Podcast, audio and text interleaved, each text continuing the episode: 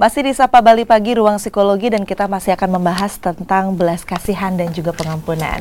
Ya Miss Ana, tadi sempat saya potong ya terkait dengan bagaimana pola asuh orang tua dan khususnya bagaimana lingkungan keluarga itu mempengaruhi anak atau individu ketika mm -hmm. dia uh, menerapkan sifat-sifat belas kasihan atau pengampunannya. Nah, itu kurang lebih seperti apa pola asuh yang paling ideal sehingga kita bisa uh, menjadikan individu itu memiliki rasa belas kasihan hmm. dan pengampunan yang baik di masyarakat. Okay.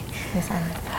Dari hasil pengamatan itu biasanya pola asuh yang bisa membentuk anak yang memiliki karakter belas asih itu itu biasanya mereka menekankan pada proses. Okay. Tadi yang seperti saya jelaskan, yang saya ceritakan itu saya lihat sosmed pada anak-anak sekarang isinya judging ya, yeah. menghakimi itu seperti itu. Bully dan sebagainya. Bully dan sebagainya. Yeah. Akhirnya temannya marah, dengan dirinya merasa bersalah. Iya aku memang jelek.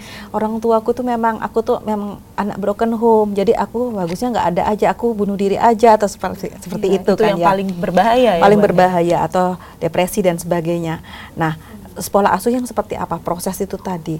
Seringkali orang tua tanpa disadar itu hanya menuntut anak mbak Nitya. Baik uh, kamu anak pinter ya. Anaknya dipuji tuh anak pinter jadi harus juara. Baik. jadi dibalik kamu pinternya itu kamu harus apa yeah. itu kan kayak kita bargaining banget ya itu tanpa sadar ya tanpa ya? sadar ya? itu seperti itu itu belas asih yang bersyarat nah, oh oke okay. berarti yeah. itu ada belas ada yeah. belas asih yang bersyarat bersyarat lebih ke negatif juga ternyata yeah. yang bersyarat, bersyarat seperti itu ya seperti nah, itu kalau kami di sekolah kami sudah melihatnya mm -hmm. seperti ini orang tua eh mama marah lo sama kamu kamu karena mama sayang. Kamu harus mengerjakan PR ya kalau kamu sayang dengan mama. Itu tadi yang bersyarat. Bersyarat. Nah, itu kan istilah berbagai macam metode yang digunakan orang tua untuk mencapai tujuannya.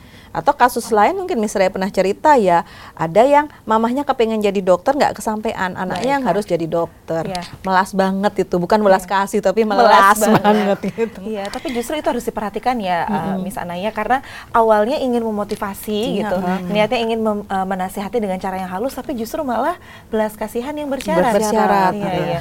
Nah itu tadi kembali ke uh, orang tua yang menuntut hanya pada hasil, yeah. prosesnya tidak. Misalnya kita orang tua hanya memberikan kamu harus ini, harus, harus, harus. Pokoknya kan kita sering kali, iya. pokoknya yeah. mama atau ibu nggak mau tahu kamu pokoknya seperti apa.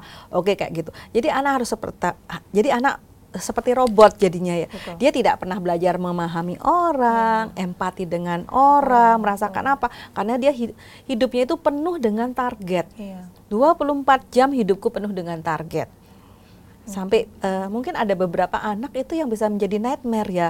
Karena aku nggak bisa nah itu mamaku nyuruh aku jual ini di sekolah tapi nggak ada laku nanti aku seperti apa nah Baik. seperti itu hmm. itu membuat anak jadinya akhirnya mungkin dari segi motivasi berprestasi dia bagus yeah. tapi jiwa dia itu jiwa. kering yeah. hatinya itu kering uh, tidak ada compassion tidak ada belas kasih dalam dirinya nah, Nah, orang yang karakter e, memiliki karakter belas kasih yang minus atau rendah, bagaimana dia bisa mengampuni orang lain? Betul. Nah, itu.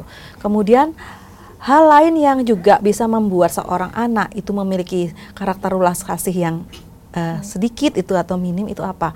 Mereka hidup dalam lingkungan yang penuh kemarahan. Baiklah.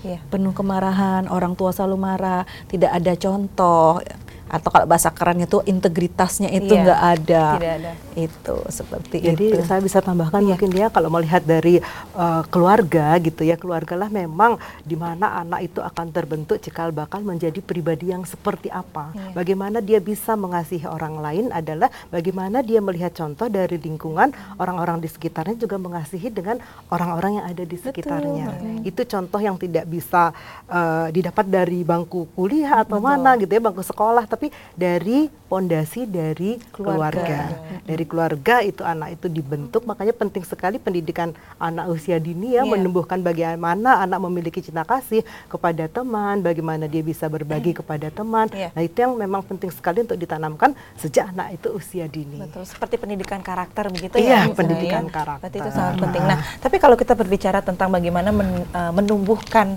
rasa belas kasihan dan pengampunan sejak dini itu karena juga kita sulit membedakan apakah compassion itu sama seperti kita sungkan dengan orang atau tidak enakan dengan orang. Nah, itu kadang juga kita sulit di dibedakan uh, ya. Contoh, misalkan contoh kasus kita ingin uh, membahagiakan orang lain di sekitar kita. gitu justru kita memberikan belas kasihan kita kemudian kita memaafkan dia tapi justru itu merugikan kita nah itu bagaimana uh, Miss Rai kita melihat fenomena seperti itu ya mungkin di sini kita perlu diajarkan uh, berlatih untuk bisa asertif. Baik. Berlatih asertif, asertif itu ya. Apa? Mungkin saudara di rumah masih ada yang bingung asertif itu apa sih?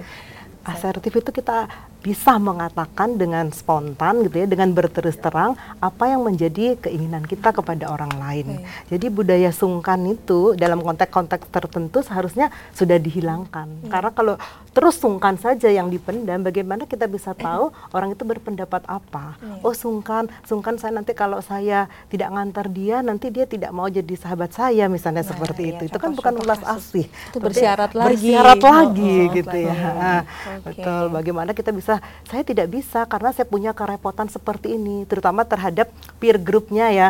Teman saya, eh maaf, anak saya sering saya marahi juga. Hmm. Dia terlambat karena temannya juga terlambat, misalnya contoh iya, seperti yeah, itu. Betul. Karena dia membantu temannya, nanti kasihan si A terlambat atau si B terlambat, dia harus jemput. Itu kan seperti itu, anak-anak harus bilang aja saya tidak bisa gitu ya. Itu yang harus kita tumbuhkan juga untuk bisa asertif gitu. Baik, hmm. berarti memang uh, di samping kita harus memiliki belas kasihan kepada orang, kemudian pengampunan kepada orang, juga penting kita untuk bilang tidak ya, Bu ya. Iya. Karena uh, saya pernah melihat beberapa kasus dan mungkin terjadi juga pada diri saya dan teman-teman di rumah.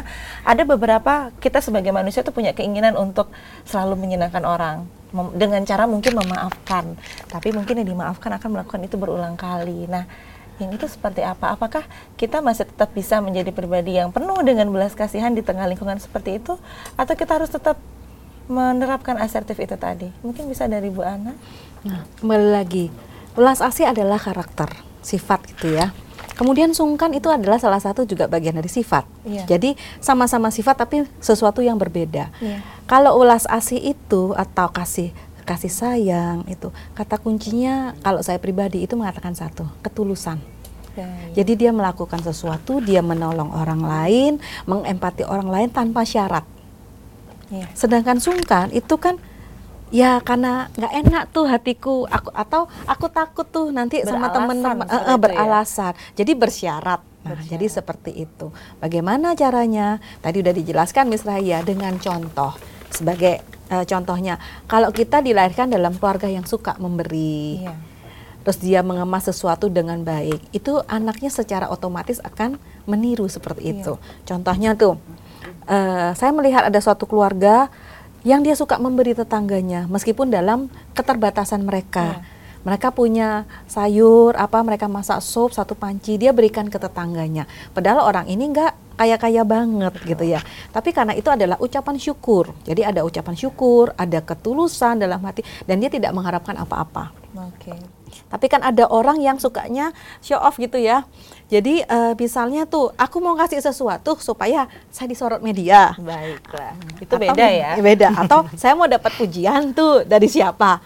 Nah, kayaknya sekarang justru virus itu yang lebih banyak yeah. gitu kelihatannya. Yes. Uh, ada beberapa kasus seperti itu ya, Bu dan jangan sampai itu juga terjadi pada kita nah, dan juga pemirsa di rumah. Nah, kita kembali lagi ke uh, pengampunan uh, atau memaafkan begitu ya, uh, Bu Ana dan uh, Bu Rai. Jadi memang dalam beberapa kasus itu juga saya ambil kasus yang paling uh, sederhana juga di rumah misalkan ya, kita sebagai anggota dari keluarga, yeah. kita punya orang tua dan pasti ada beberapa kasus di mana kita itu merasa kesal atau marah mungkin dengan orang tua. Betul. Ya, hmm. mungkin ada tidak cocok mengambil keputusan atau terlalu diarahkan dan sebagainya. Nah, apakah di sini berlaku pengampunan itu dengan kita menuruti orang tua?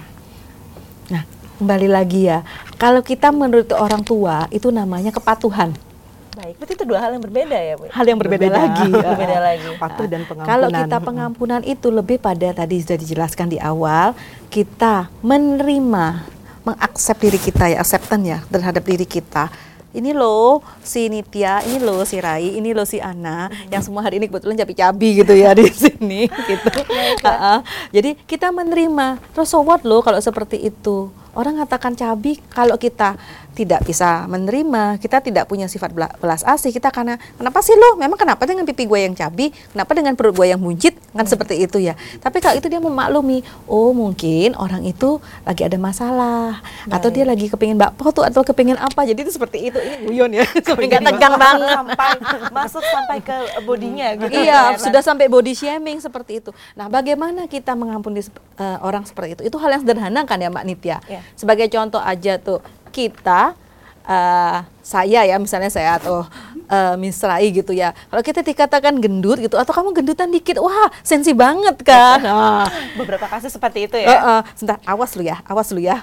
kita akan membalas kan. Nah, seperti itu. Iya, baiklah. Nah, jadi tentunya dalam kita uh, belas kasihan dan juga pengampunan itu pasti ada beberapa tantangannya ya. Betul. Mungkin kita akan bahas itu di segmen selanjutnya. Mm -hmm. Kita akan bahas itu di segmen 2. Mm -hmm. Ya, Saudara, kita akan membahas tentang bagaimana tantangan ketika kita ingin menyebarkan rasa belas kasihan dan juga pengampunan terhadap orang di sekitar kita dan juga diri kita.